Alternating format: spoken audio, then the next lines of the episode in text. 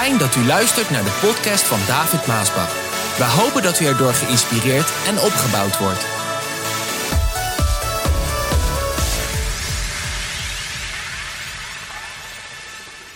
Nou, weet je, eh, ook in het licht van dit, van nieuwe geboorte, en u weet hoe wij onze kinderen hebben opgevoed, en als u eh, dat niet helemaal weet, dan moet je mijn boek maar kopen, Verlies nooit je geloof. Het is zo'n dik boek, zo groot in de vorm van erfenis van geloof, 400 pagina's. En daar vertellen we ook uh, hoe wij de kinderen hebben opgevoed. En in die zin zijn wij ook een hele grote inspiratie in onze kleinkinderen, in de levens van de kleinkinderen. Een, echt een hele grote inspiratie. Want wij willen dat onze kinderen opgroeien in de vrezen des Heren. Wij willen dat onze kinderen de verhalen kennen uit de Bijbel. Alissa en Jesse hebben nu ook eigen kinderen en wij zijn grote inspiratiebronnen in die kleinkinderen. Om ze te vertellen over de Bijbelverhalen. Om ze de vrezen des Heren bij te brengen. Wij helpen papa en mama daarin. Oma's en opa's, u bent belangrijk. En u hebt meer invloed dan je denkt op je kinderen en kleinkinderen en achterkleinkinderen, in dit geval achterkleinkinderen. Inspiratie op achterkleinkinderen. En waarom zeg ik nou deze dingen? Want daar gaat de boodschap ook vandaag over. Nou, omdat het helemaal niet zo goed gaat in Nederland. Als het gaat om het christendom. Nee, eigenlijk in de hele wereld niet. Maar ook als we even bij ons Nederland blijven, ook in Nederland niet. Ik las bijvoorbeeld afgelopen week in de krant Nederland voor ongelovigen en moslim. Want dat is eigenlijk wat er overblijft in ons land. Ongelovigen en moslim. Er staat ontkerkelijking is in volle gang. Christenen verlaten hun bedehuizen en ogenschijnlijk komt aan deze ontwikkeling pas een einde als het christendom uit Nederland is verdwenen. Ten gunste van ongelovigen en moslims. Maar dit is wel aan het gebeuren hoor. En ik heb u al jaren daarvoor gewaarschuwd dat die tijd gaande is. Kerken worden afgebroken en moskeeën worden opgebouwd. En de rest wordt ongelovig. En dat heeft te maken met de christenen die hun kinderen en kleinkinderen niet de verhalen bijbrengen uit de Bijbel. En een vrijheid laten. Wat staat er nog meer in de krant? Amsterdamse school ruilt paasontbijt voor suikerfeest. De Theo Thijssenschool in de Jordaan in Amsterdam gaat het dit jaar anders aanpakken. De basisschool slaat het paasontbijt over om in plaats daarvan iets leuks te doen tijdens het suikerfeest. Ze willen meer aandacht geven aan de gebruiken binnen verschillende culturen. Als één school dit doet, gaan, gaan meer scholen volgen. Dit is wat gaande is in ons eigen Nederland. Sluit je ogen niet ervoor. Ik doe het al een tijd niet. Ja, schrijft het hoofd van het humanisme, zonder God zijn we ook best gelukkig. Ja, maar kijk, ik begrijp die redenering heel goed. Iedereen in Nederland heeft godsdienstvrijheid. Bij die vrijheid hoort ook het recht om helemaal geen godsdienst aan te hangen. In Nederland kiest een steeds grotere meerderheid daarvoor. Luister wat er staat. En toen schrok ik. Maar het is de waarheid. Nederland is daarmee een van de meest ontkerkelijkte landen ter wereld. Hoor je dit? Nederland is de meest ontkerkelijkte land ter wereld. Dat wil zeggen, wij hadden veel christenen, wij waren een christelijke natie, maar steeds meer mensen keren zich af van God en de kerk. Dat proces stopt niet. Dat proces gaat door. Ja, wat schrijft die man? Ook in de rest van de wereld neemt die groep toe. Na het christendom is de islam de groep mensen die zich ongebonden noemt het grootst. Onder hen bevinden zich bijvoorbeeld agnosten, humanisten, atheïsten. Nou, die groep is heel groot aan het worden. En zelfs mensen die zich nog wel gelovig noemen, gaan zich onafhankelijker gedragen. Hoor je dat? Dus zelfs mensen die gelovig zijn, gaat zich steeds meer onafhankelijk gedragen. Wat wil dat zeggen? Wel, hoewel de conservatieve stromingen in het christendom en de islam groeien, wil het gros van de gelovigen niet meer klakkeloos de officiële leer volgen.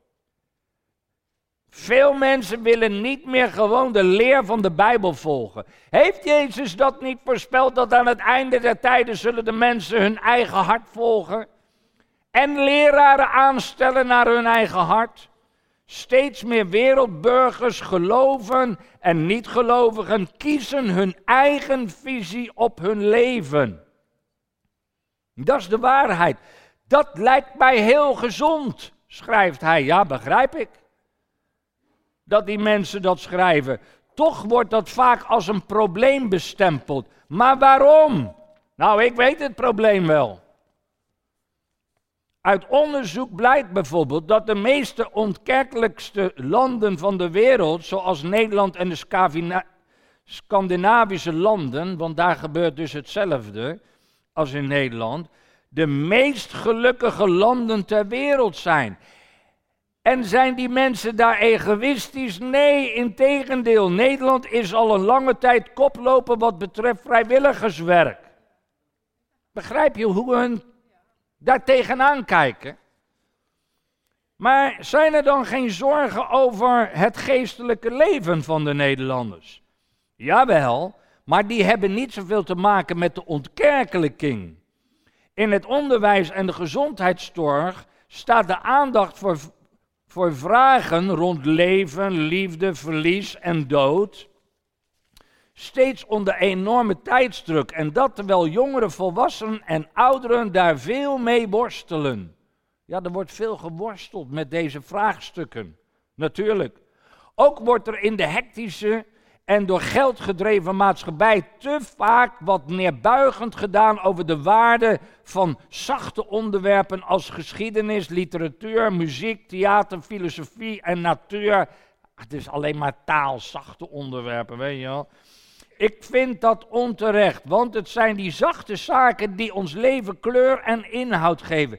In een onkerkelijk land kunnen we uit die zaken ook onze inspiratie en levensvragen halen. Die mensen denken dus dat ze niet uit de Bijbel, maar uit al die andere dingen ook antwoorden krijgen op levensvragen zoals de dood.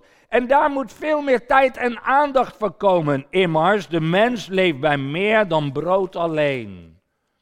Het zijn zomaar wat dingen. Dat laat zien dat de wereld verandert.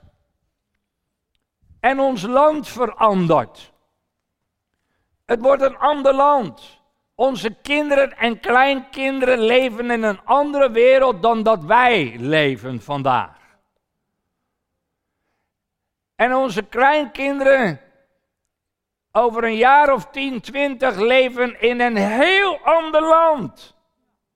Het zal er heel anders uitzien, want in onze tijd ging het nog langzaam. Uw tijd ging helemaal langzaam. Daar had je nog uh, trekpaarden hier door de kanalen. Gingen ze naar de stad. Mijn tijd ging al wat sneller.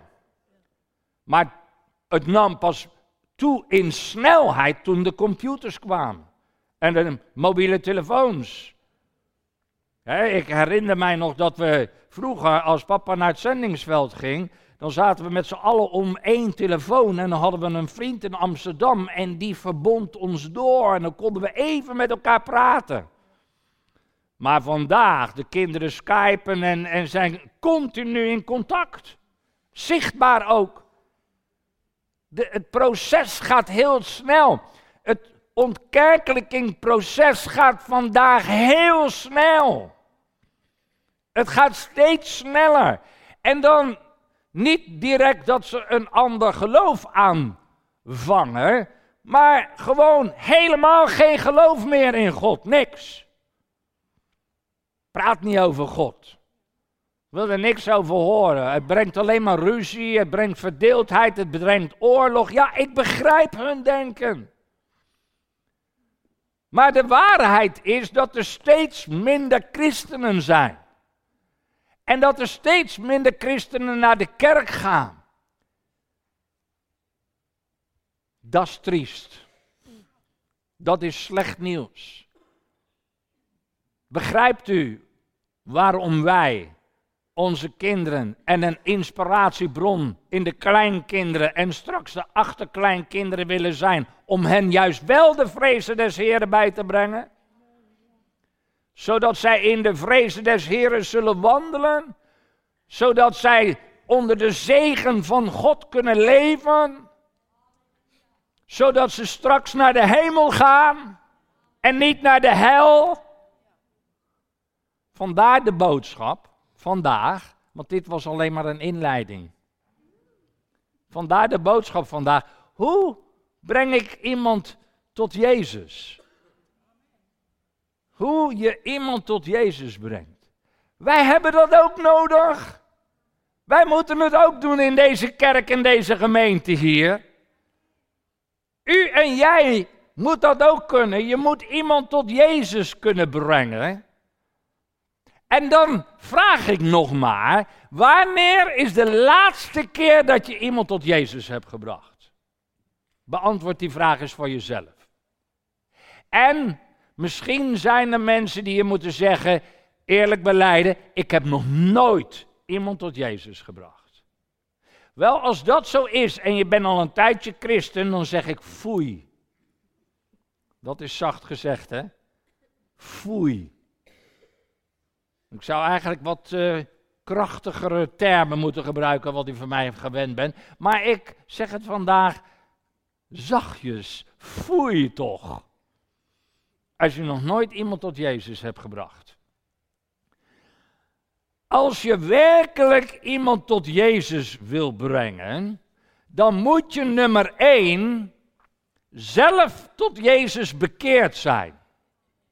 Oké, even een paar punten. Je mag ze ook opschrijven, maar je mag ook de preek, als je je e-mailadres opgeeft, krijg je elke dinsdag de preek thuis gestuurd. Dan kan je het nog eens rustig naluisteren. Als je dus echt iemand tot Jezus wil leiden, tot Jezus wil brengen, dan moet je nummer één eerst zelf tot Jezus bekeerd zijn. Het is moeilijk om iemand tot Jezus te brengen als je zelf niet bekeerd bent. Je moet zelf het licht hebben gezien.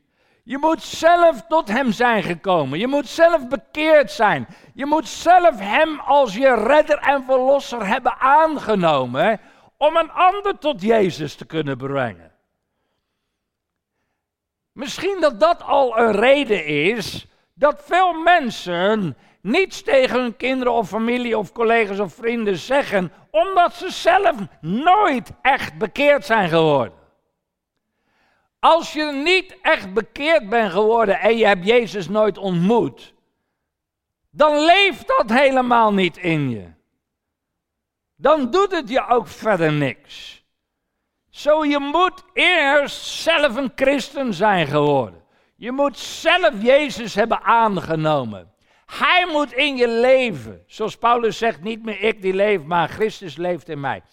Ik weet dat de mensen die een ervaring hebben gehad en Jezus hebben aangenomen in hun hart en leven, en Jezus is daarin komen wonen, dat zijn mensen die in vuur en vlam voor Jezus staan. Die mensen willen vaak het liefst in één week Iedereen tot bekering brengen. Hun familie, hun vrienden, ja, en vaak zijn ze dan nog heel erg drammerig in het begin, want dan staan ze zo in vuur en vlam, ze luisteren naar niemand, iedereen moet zich bekeren. Nou, aan één kant is dat een goede zaak. Want je ziet aan hun dat zij zo vol zijn van Jezus, dat ze alleen maar over Jezus kunnen praten en iedereen moet zich bekeren. Maar helaas dat dat dan afvlakt en minder wordt of ze komen eerst een balans. En het erge is als ze over de balans naar de andere kant slaan en niks meer zeggen. Dan moeten ze weer een aanraking van Jezus hebben. Wel, we leven ook in zo'n tijd dat vele christenen lauw zijn geworden vandaag. En als je lauw bent geworden, dan wordt het tijd dat je weer een krachtige aanraking van je redder krijgt. En dat je weer een vuur en vlam voor Jezus gaat staan. Omdat je iedereen wil vertellen over Jezus. Zo, je moet eerst zelf bekeerd zijn. Nummer twee. Als je echt iemand tot Jezus wil brengen, moet je liefde voor mensen hebben. Hoor je dat? Liefde voor mensen moet je hebben. Liefde voor mensen, dat ontvang je door de Heilige Geest. Want liefde voor mensen, ja, wij hebben heel geselecteerd lief. Wij houden van mensen die van ons houden. Wij houden van mensen die je misschien goed hebben gedaan of uh, die je goed liggen. Dan zijn we erg selectief in. Maar de liefde van God, uitgestort door de Heilige Geest, zoals Romeinen 5 vers 5 zegt, die houdt van mensen. Blank en bruin en zwart, jong en oud en dik en dun en intelligent en niet intelligent, het maakt niet uit. Wie je bent, waar je vandaan komt, de liefde van God houdt van alle mensen. En als die in je hart wordt uitgestort, dan krijg je liefde voor mensen. Gewoon liefde voor mensen. En als je dus die liefde niet hebt vandaag, ja maar David, oh, ik heb het er wel, uh, ik weet het niet hoor. Dan zou ik zeggen, ga God dan eens bidden aan datgene waar je behoefte aan hebt. En dat is liefde voor mensen. Gewoon mensen liefhebben. Dat betekent niet dat je met al die mensen op vakantie gaat. Dat betekent niet dat je bij die, al die mensen op, over de vloer komt. Het is gewoon het liefhebben van mensen. Wat denkt u dat de evangelisten, ook Theo Osborne, Johan Maasbach, Billy Graham, uh, noem ze maar op. Wat denkt u dat hun gedreven heeft naar het zendingsveld? Het is liefde voor mensen. Het is de liefde van God uitgestort wat, wat jou drijft naar mensen toe. Want Gods liefde wil zich naar mensen toe uitstrekken. En dat kan alleen door ons heen. Zo, liefde voor mensen is essentieel als je iemand tot Jezus wil brengen. En als het ontbreekt, bid er dan voor dat de Heilige Geest van God zich in je hart uitstort, de liefde voor mensen, en Hij wil het doen. Als je echt iemand tot Jezus wil brengen, nummer drie, dan moet je het verlangen hebben dat iemand die verloren is, gered wordt. Hoor je dat? Je moet het verlangen hebben dat iemand die verloren is, gered wordt. Je moet dus zien, en ik denk dat dit heel veel ontbreekt vandaag onder de christenen. Je moet dus zien het gevaar waar mensen in leven die zonder Jezus leven. Dat heeft te maken dat heel veel mensen geloven, en trouwens ook vooral in de traditionele kerken, er zijn, en ook zelfs predikanten, vergis je niet, en dominees, er zijn heel veel die geloven niet meer in een hel. En er is ook nog eens zo'n valse grote leerstelling, wat heet de alverzoeningsleer, dat iedereen uiteindelijk naar de hemel gaat. Het is niet waar. Het is een leugen, want de Bijbel vertelt veel over de hel. Jezus spreekt veel over de hel. En als je dus gelooft dat er een hemel is, moet je ook geloven dat er een hel is. Er is een God, er is een duivel, er is licht, er is duisternis, er is een hemel, er is een hel. En de Bijbel leert ons dat er maar één weg naar de hemel is en dat is Jezus Christus. En als je hem dus niet hebt aangenomen als je redder en verlosser, zegt de Bijbel heel eenvoudig, dan gaat de mens naar de hel, naar de verdoemenis.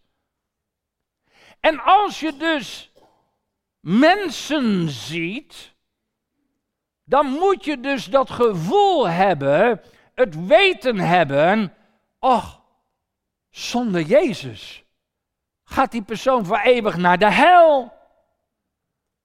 Hoe vaak hoor je dat vandaag nog? Maar het is wel de waarheid. Vele mensen, als we dus praten over de ontkerkelijking, als we dus zeggen dat vele mensen zich van God afkeren, hun eigen weg gaan en niet meer naar de kerk gaan, betekent dat dat ze naar de hel gaan. Maar David, daar houden we helemaal niet meer van in deze tijd. Dat is de hele reden. Maar David, ik heb dat niet. Ik, ik, ja, ik kijk heel anders naar mensen. Als ik in de, in de stad op een bankje zit en ik zie die mensenmassa voorbij gaan. Nou, u mag weten, als ik op een bankje zit in een drukke stad, dan inspireert dat mij vaak tot het schrijven van preken en boeken en artikelen, omdat ik massa's mensen zie. En altijd vraag ik me weer af, hoeveel gaan hiervan naar de hemel? En hoeveel gaan er naar de hel? En wat kan ik eraan doen? Nou, ik kan er in ieder geval aan doen dat ik doorga om de boodschap te prediken die God mij altijd gegeven heeft. Of de mensen het nou leuk vinden of niet. Maar David, ik heb dat niet als ik naar mensen kijk. Wel, weet je wat je dan eens moet doen? Dan, dat je, dan moet je eens je denken gaan voeden. Hoor je dat? Je denken gaan voeden dat er een hemel en een hel is. En de mensen die niet kiezen voor Jezus Christus naar de hel gaan voor eeuwig.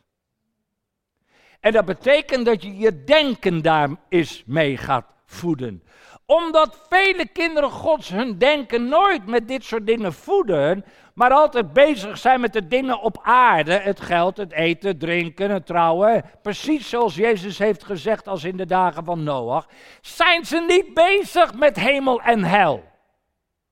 En zal het dus ook nooit tot je komen wanneer je mensen ziet. Maar als je bekeerd bent en als Jezus je redder is en als zijn liefde voor je voor mensen in je is uitgestort, dan heb je het verlangen dat mensen gered worden. En als je dan naar mensen kijkt, dan wil je niets liever dan dat ze gered worden en niet voor eeuwig naar de hel gaan. Voed je denken er eens mee dat je eigen kinderen en familieleden naar de hel gaan. Voor eeuwig. Ja, maar daar wil ik helemaal niet aan denken. Dat vind ik verschrikkelijk. Nou, denk er eens aan. En als je je denken daarmee gaat voeden en het gaat in je leven, och, laat ik u vertellen, dan ga je anders naar hen kijken. Dan wil je niets liever dan dat ze gered worden. Dan dat ze Jezus aannemen. En dan ga je er ook wat aan doen. Als je echt iemand tot Jezus wil brengen, dan moet je nummer vier een algemene kennis van de Bijbel hebben. Je hoeft geen diepe kennis van de Bijbel te hebben. Je hoeft niet alle dingetjes te weten. Want sommigen zijn, ja, die willen eerst een encyclopedie zijn voordat ze iemand iets vertellen over Jezus, want ik moet alles weten. Nou, je hoeft niet alles te weten. Je moet een algemene kennis van de Bijbel hebben. De algemene kennis van de Bijbel is natuurlijk Jezus Christus, de redder, de redder der wereld is geboren, vieren we met kerstfeest. Nou oké, dat weet ik wel David. Maar wat je bijvoorbeeld moet weten is wat Efeze schrijft. Dat daar staat dat het woord van God is het zwaard van de Heilige Geest. Zwaard des Geestes. Dat dat bijvoorbeeld het middel is wat God gebruikt om mensen te overtuigen van zonde en gerechtigheid. Het betekent dat als je dus met mensen praat, dat de Heilige Geest die in jou werkt, in jou leeft, door jou heen werkt, hen overtuigt van zonde en gerechtigheid. Het betekent dat, de heilige, dat God door de Heilige Geest door jou heen hun, die ander, Jezus openbaart. Jezus laat voelen, Jezus laat ervaren. Door een soort liefde die over hen komt, dat niet van deze wereld is, maar van God komt, dat ze iets ervaren. Het is de ervaring die mensen hebben die van buiten komen als ze bijvoorbeeld deze kerk binnenkomen. Wat hoor ik vele mensen zeggen, broeder David, als ik binnenkom ervaar ik zo'n liefde. Ik ervaar zo'n blijdschap aan deze plaats. Want dat is God. Gewoon eenvoudig, dat is God. En dat kunnen mensen ook aan jou en aan u ervaren. En het gebeurt door de Heilige Geest die in u werkt. En als je die kennis hebt vanuit de Bijbel, dan weet je dat dat de waarheid is. En dat God die middelen gebruikt om anderen tot Hem te brengen, tot Hem te trekken. Door het kruis van Golgotha. Wel, ik moet even door. Als je iemand tot Jezus wil brengen, dan moet je nummer vijf een persoonlijk gebedsleven hebben. Hoor je dat? Je moet een persoonlijk gebedsleven hebben. Ik vraag mij soms af hoeveel kinderen Gods een persoonlijk gebedsleven hebben. Niet alleen wanneer je naar de kerk gaat, ook niet alleen een automatisch gebedje, maar een persoonlijk gebedsleven hebben. Dat heb je nodig om iemand tot Jezus te brengen. Omdat in jouw gebedsleven, in jouw praten met God, gaat God jou leiden. Dit is belangrijk. God gaat jou leiden. God gaat jou leiden naar een bepaalde plaats. God gaat jou leiden naar een bepaald persoon. God gaat jou leiden naar die plaatspersoon waar Hij iets wil doen. Daar heb je een gebedsleven voor nodig, anders weet je het niet. Uh, laat ik het zo zeggen. Natuurlijk moeten we iedereen vertellen over Jezus Christus. Maar als je een persoonlijk gebedsleven hebt, dan wil God niet dat je zomaar klakkeloos iedereen over Jezus vertelt. Gewoon zo klakkeloos. Eh, dat moet ik even de kanttekening ernaast zetten voor degenen die de straten opgaan, die iedereen natuurlijk uh, een folder geven uh, of evangeliseren. Natuurlijk moeten we iedereen die langskomt dan een folder geven. Maar ik heb het over een gebedsleven waar de Heer iets in jou laat ontwaken door jou bijvoorbeeld een naam te geven. Door jou bijvoorbeeld een plaats te geven. Door jou te leiden, vele voorbeelden in de Bijbel, Ananias, uh, Paulus, Petrus, Cornelius, noem maar op. Zij werden geleid door hun gebedsleven naar iemand, naar een plaats, omdat God iets wilde doen daar. Dat wil zeggen dat God wil iemand bereiken. Misschien iemand die zoekende is, want niet iedereen is zoekende. Laat ik het nog anders zeggen. Je kan je tijd verdoen aan 50 mensen die jij probeert te bereiken met Jezus Christus, die helemaal niet zoekende zijn en niks van God willen weten. Terwijl die ene of twee die langslopen aan de andere kant van de weg, zoekende zijn.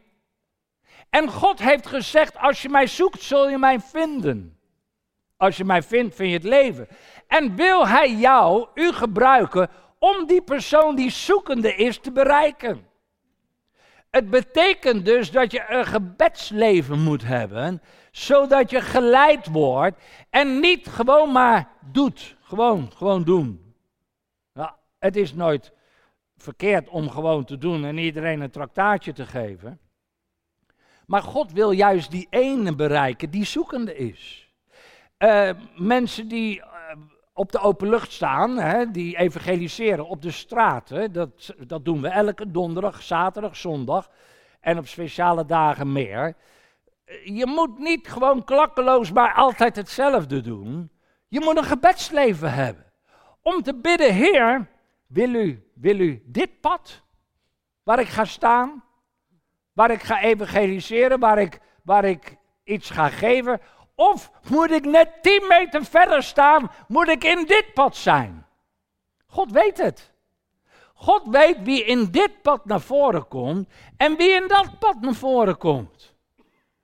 Het is dus belangrijk dat wij een gebedsleven hebben, ook als we iemand tot Jezus willen brengen. Datzelfde geldt voor ons in verband met collega's en vrienden en kennissen en familieleden, die je niet, ja, jij weet niet wat in hun hart is.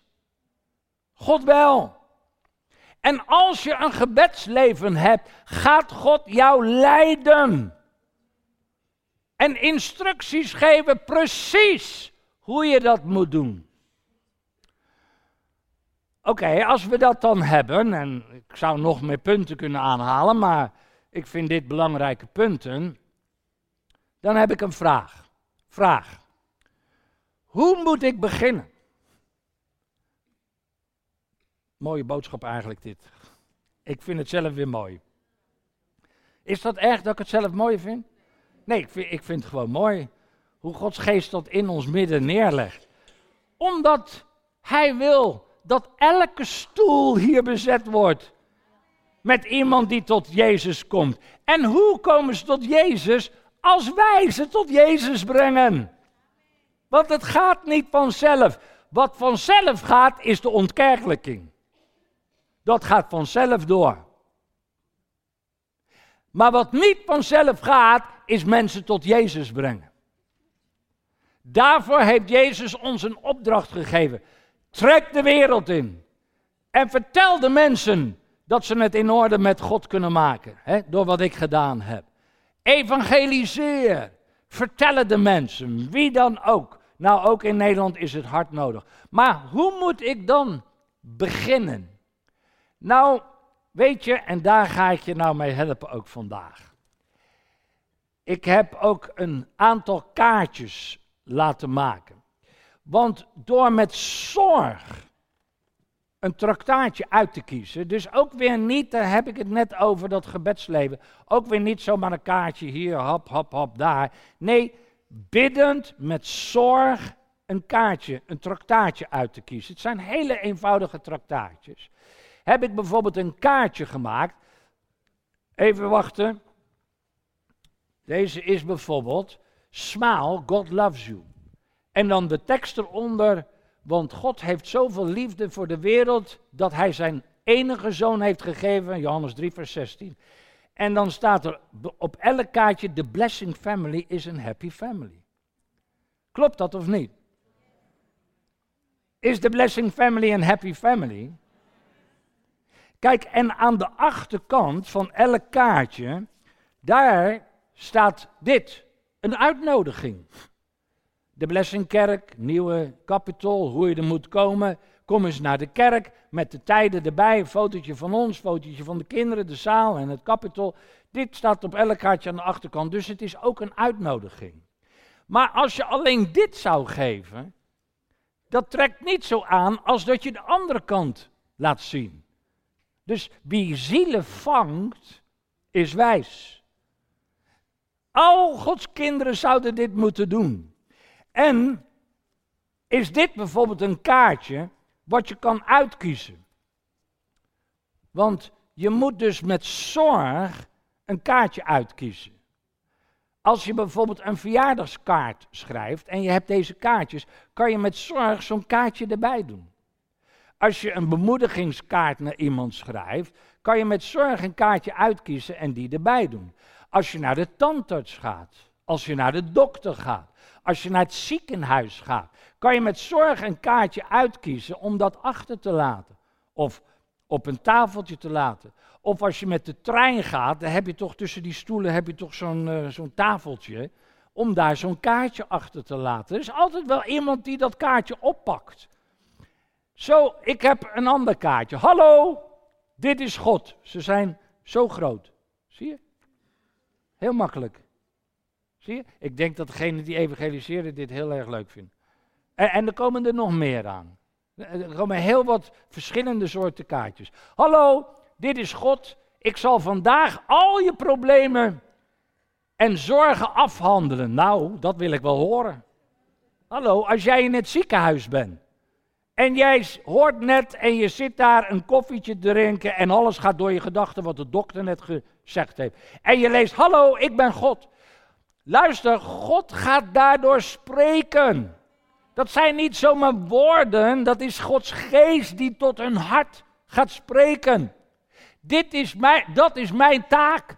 Heb een geweldige dag. En dan staat er een tekst uit de Bijbel. Maak je nergens zorgen over. Bid voor alles en vraag God wat je nodig hebt. Dankbaar voor alles wat Hij doet. Mensen die dit lezen, een nood hebben. Herinner me nog. Hoe vroeger ik ook op de zonderschool. En dan gaat, dan gaat de geest werken. En dan krijgen ze woorden. En dan komen ze thuis.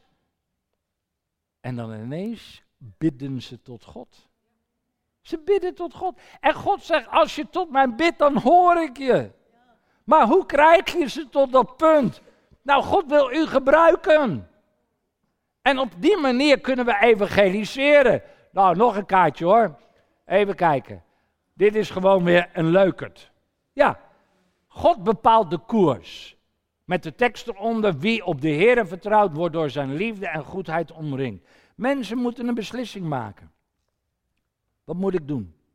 En ineens lezen ze, God bepaalt de koers. En nog een keer, niet alleen omdat dit woorden zijn, Gods geest zal dat in hun denken planten. Ik bepaal de koers. Uh, een nieuwe. Dit is eentje. Zie het kruis links en dan het graf. En dan zegt hij, houd vast aan jouw hoop.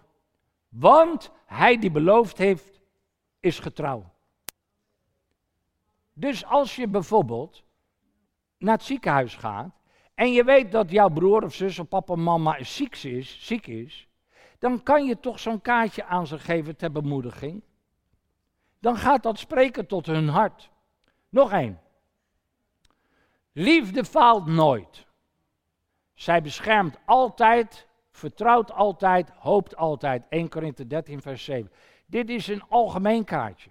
Dat kan je altijd geven aan iemand doet het altijd goed. Dat is, kijk hoor, deze. Zie je? En sommige kaartjes zullen misschien sneller gaan dan andere kaartjes. Nog eentje. Geloof, hoop, vertrouwen. Maar bij God is alles mogelijk. Dit is ook weer zo'n algemeen kaartje. Gewoon heel makkelijk in een verjaardagskaart te doen. Geloof, hoop, vertrouwen. Dit is weer zo'n leuke. Iemand die dus zich bezwaard voelt ze komen bij je, ze zijn heel bezwaard met uh, allemaal dingen. Dan geef je het kaart. Bezwaard, God is bij jou. Door dik en dun. Met zo'n hond erop. Op een weegschaal. Dat is gewoon leuk. Met de tekst erbij, wij moeten blijven vasthouden aan wat God ons heeft beloofd en andere mensen erover vertellen. Omdat God zich aan zijn woord houdt, zullen wij krijgen wat wij van hem verwachten. Je kan gewoon kiezen. Vind je dit leuk? Er zijn mensen die zeggen, nou, dat vind ik niet leuk, want ik hou niet van humor. Nou, dan neem je toch niet zo'n kaartje.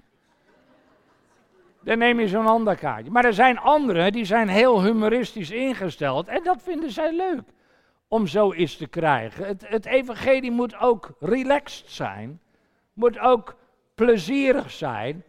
Wat een zegen ben jij Telkens als ik aan jou denk, dank ik God. Misschien voor iemand die goed voor je is geweest. Die jou iets gegeven heeft. Oké, mag je zo vertellen. Ga me zo, ga me zo nog even horen. Dit is bijvoorbeeld zo'n kaartje, dat doe je bij iemand die goed voor je is geweest. Oh, deze is niet voor iedereen, denk ik. Eer de Heer met je rijkdom, met het beste van je inkomen. Dat kan je geven aan iemand die heel erg gierig is. Dan geef je dit kaartje. En dan de blessing family is a happy family. Ja, bij die van gaat het toch alleen maar om het geld. Maar het staat wel in Spreuken 3, vers 9. Ja, maar het kan zijn dat dat kaartje, misschien dat dit kaartje niet zo snel gaat als een ander. Maar het kan net zijn bij iemand waarvan je weet, die zou echt wat kunnen doen. Voor bijvoorbeeld het kinderwerk in Oase, want hun hart gaat uit naar kinderen, naar arme kinderen. En hebben een geweldig sociaal netwerk, sociaal kinderwerk, kinderprojecten. En broeder John en broeder Jeremias zijn in Congo om nu te praten met de gouverneur van Kinshasa om het kinderproject Oase daar te starten. Dan moeten we ook beginnen. En dan hebben we er geloof ik nog één. Dit is weer zo eentje. God zorgt voor mij. De Heer helpt mij, daarom hoef ik niet bang te zijn voor wat een mens mij kan aandoen. Hebreeën 13, vers 6. Toch een leuk kaartje voor sommigen. We hebben er nog één. Dat is de achterkant, hebben ze allemaal gehad, denk ik dan. Ik ga er nog een paar maken, want dit zijn zulke leuke ideeën. Want, oké, maar ja, maar David, hoe, kan dat, hoe kan ik dat? Nou, natuurlijk kan je uitzoeken met zorg, door het gebedsleven, aan iemand geven in een kaart, ziekenhuis, noem maar op. Als je er gewoon altijd wat bij je hebt, in je tasje, thuis, noem maar op. Je geeft het gewoon mee. Maar uh, zuster Regina maakte bijvoorbeeld eens mee dat zij stond bij Starbucks in de stad. En toen was er iemand achter jou of voor jou, maar achter jou. En die zei: Ik betaal jouw drankje wel, ik betaal jouw koffie wel. Nou, dan sta je toch verbaasd als iemand dat zegt. Wie doet dat vandaag nog? Hallo, in deze hele zelf-egocentrische maatschappij. Wie zegt er vandaag nog, terwijl jij voor de kassa staat om een kop koffie te kopen, ik betaal jouw koffie wel? En nou ja, dan sta je even verbaasd. Ja, echt? Nee, hoef je niet te doen. Ja, ik sta erop, ik wil dat heel graag doen. Nou, ja, oké, eh, het is dat je zo aandringt. Maar die vrouw gaf haar daarbij een kaartje. Een uitnodigingskaartje. En toen ging ze weg zonder verder iets te zeggen. Maar ik betaal je koffie wel. Ja, ja, nou ja, blablabla. Oké, nou, fijne dag verder. Hier heb je nog een kaartje. Hallo. Het is een manier. Ik zie bijvoorbeeld ook wel eens die reclame op tv. En denkt de wereld denkt ook na, hè dan zie ik daar een vrouw met een kind in de regen staan en dan komt er een man langs met een paraplu. Vind ik heel goed uitgedacht. Maar wij christenen kunnen dat ook. Ja, je moet alleen je paraplu onder de regen prijsgeven. Maar daar gaat het juist om. Dat je dan je paraplu bijvoorbeeld geeft. Je moet niet je paraplu aan Jan en Alleman geven. Maar aan zo'n moeder met een kind en dan geef je je paraplu en je doet er een kaartje bij, hier alsjeblieft. Wat denkt u dat die persoon dan denkt? Jazeker, hoe is het mogelijk? Hoe is het mogelijk? Oh, zuster Regina zegt bijvoorbeeld je stoel in de tram aan iemand geven. Ook weer niet aan Jan en Alleman, maar vandaag, als daar vrouwen binnenkomen die zwanger zijn, die jonge mensen staan niet eens meer op. Onvoorstelbaar. Maar je hoort op te staan voor ouderen. En mensen die zwanger, en, en vrouwen die zwanger zijn. Mensen tegenwoordig. Ja, vandaag kan bijna alles, hè. Mannen met mannen, noem maar op. Alles kan tegenwoordig. Maar mannen kunnen niet zwanger worden en dat zullen ze nooit. Dus vrouw en man heb je altijd nodig, hoe verdraaid en verkronkeld ze het ook vandaag willen brengen aan deze wereld. Om een kind te baren heb je een man en een vrouw nodig. Oké, dus er zijn genoeg voorbeelden op een manier wat je kan gebruiken om jouw christendom te tonen. En om mensen tot Jezus te leiden. Vraag tot besluit. Wat moet ik dan doen als ik met iemand in gesprek raak? Oh, nummer één. Niet in paniek raken. Niet in paniek raken. Want dat is de reden waarom je überhaupt al niet iemand tot Jezus wil leiden, omdat je bang bent dat je misschien in gesprek raakt en niet genoeg weet en allerlei doemscenario's in je hoofd haalt, waardoor je iets niet durft te doen. Wat heb ik van Pippi Langkous geleerd? Zij zei, ik heb het nog nooit gedaan, dus ik denk dat ik het wel kan. Hallo? Ja, maar dat is een goeie, hè? Dat is een goeie, toch? Onthoud die maar. Wat was dat ook alweer, David? Nou, kom niet van mij, kom van Pippi af. Ik heb het nog nooit gedaan, dus ik denk dat ik het wel kan. Dat is een goede instelling. Niet bang zijn, niet in paniek raken. Wat moet je nog meer? Oké, niet proberen om iemand van zijn of haar slechte gewoonte af te brengen. Je moet niet gelijk aan iemand een slechte gewoonte zien en dat je daarop inzet om iemand daarvan af te brengen. Iemand rookt bijvoorbeeld. Niet gelijk over dat roken stampen. Wat je wil is dat ze Jezus leren kennen. En zo, je bent niet daar om ze van hun slechte gewoonte af te brengen.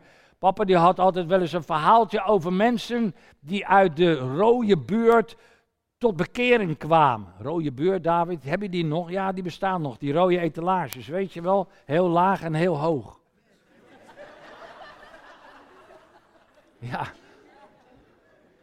Als zo iemand dan binnenkomt, heel hoog en heel laag, dan moet je niet gelijk op die dingen hakken.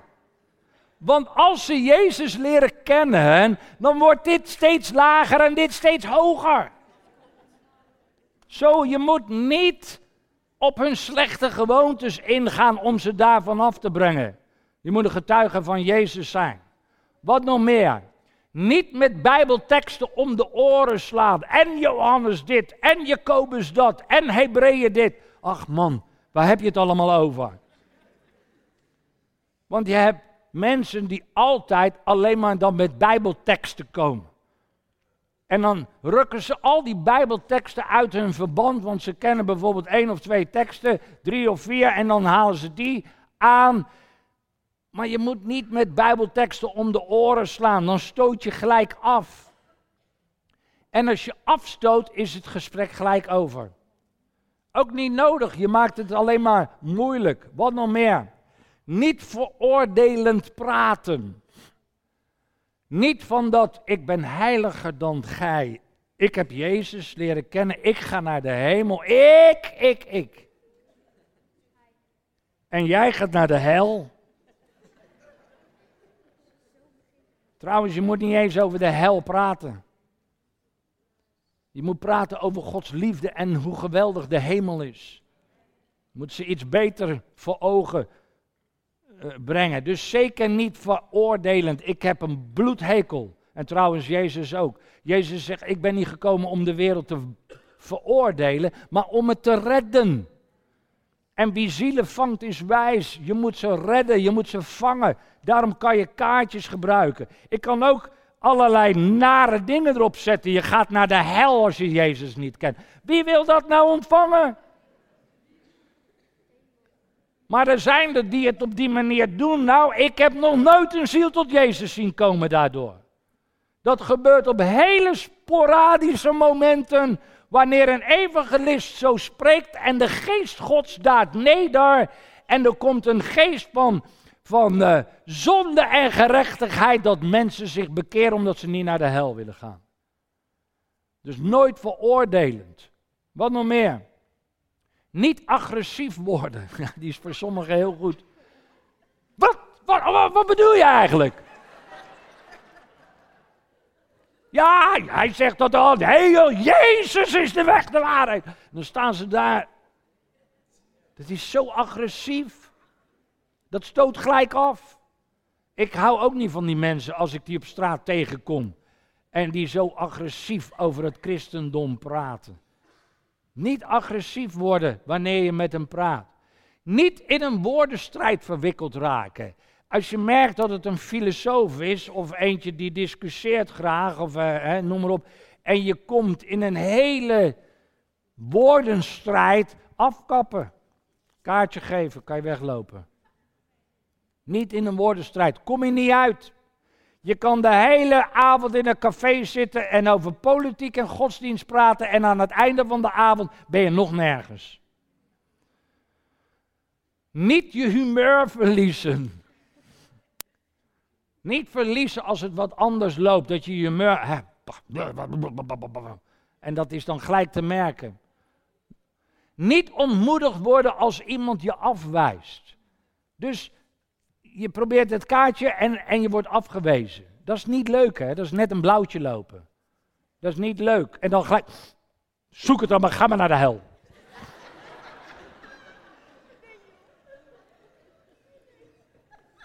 Dat heeft geen nut.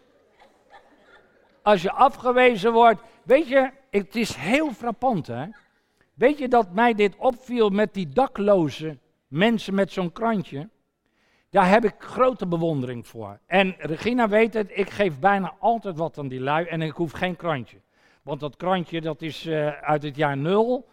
Het is helemaal verscheurd en vervrommeld. Er valt niks eigenlijk te lezen. En toch staan ze elke keer met het krantje. Goedenavond.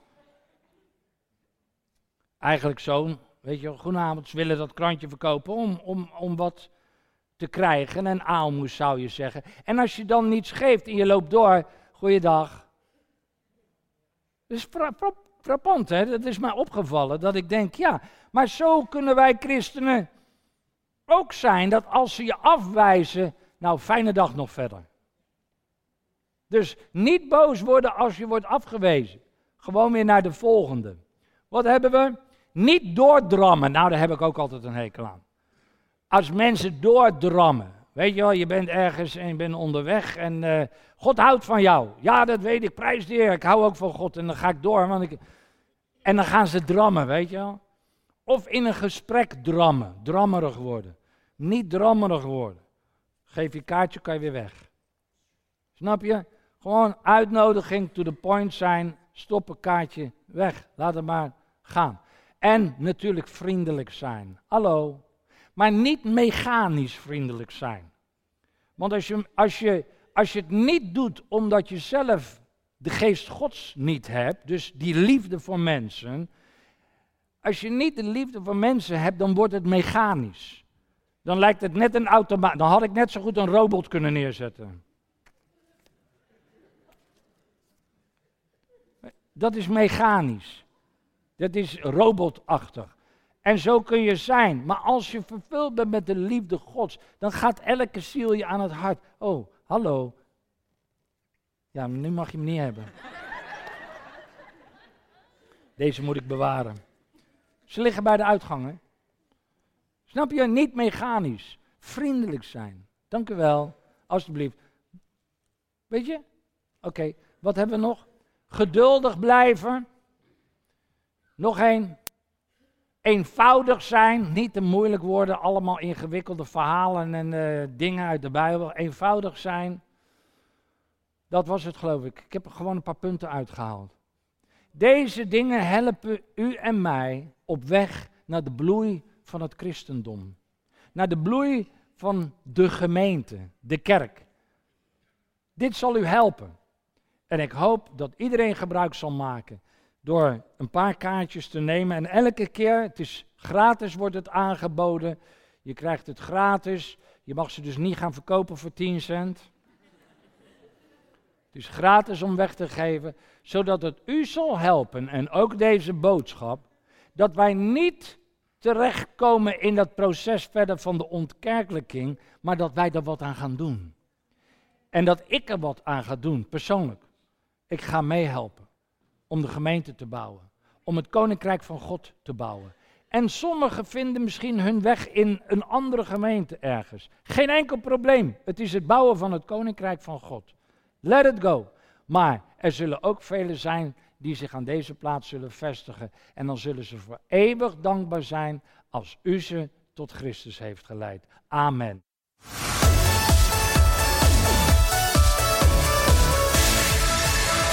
Bedankt voor het luisteren naar deze podcast.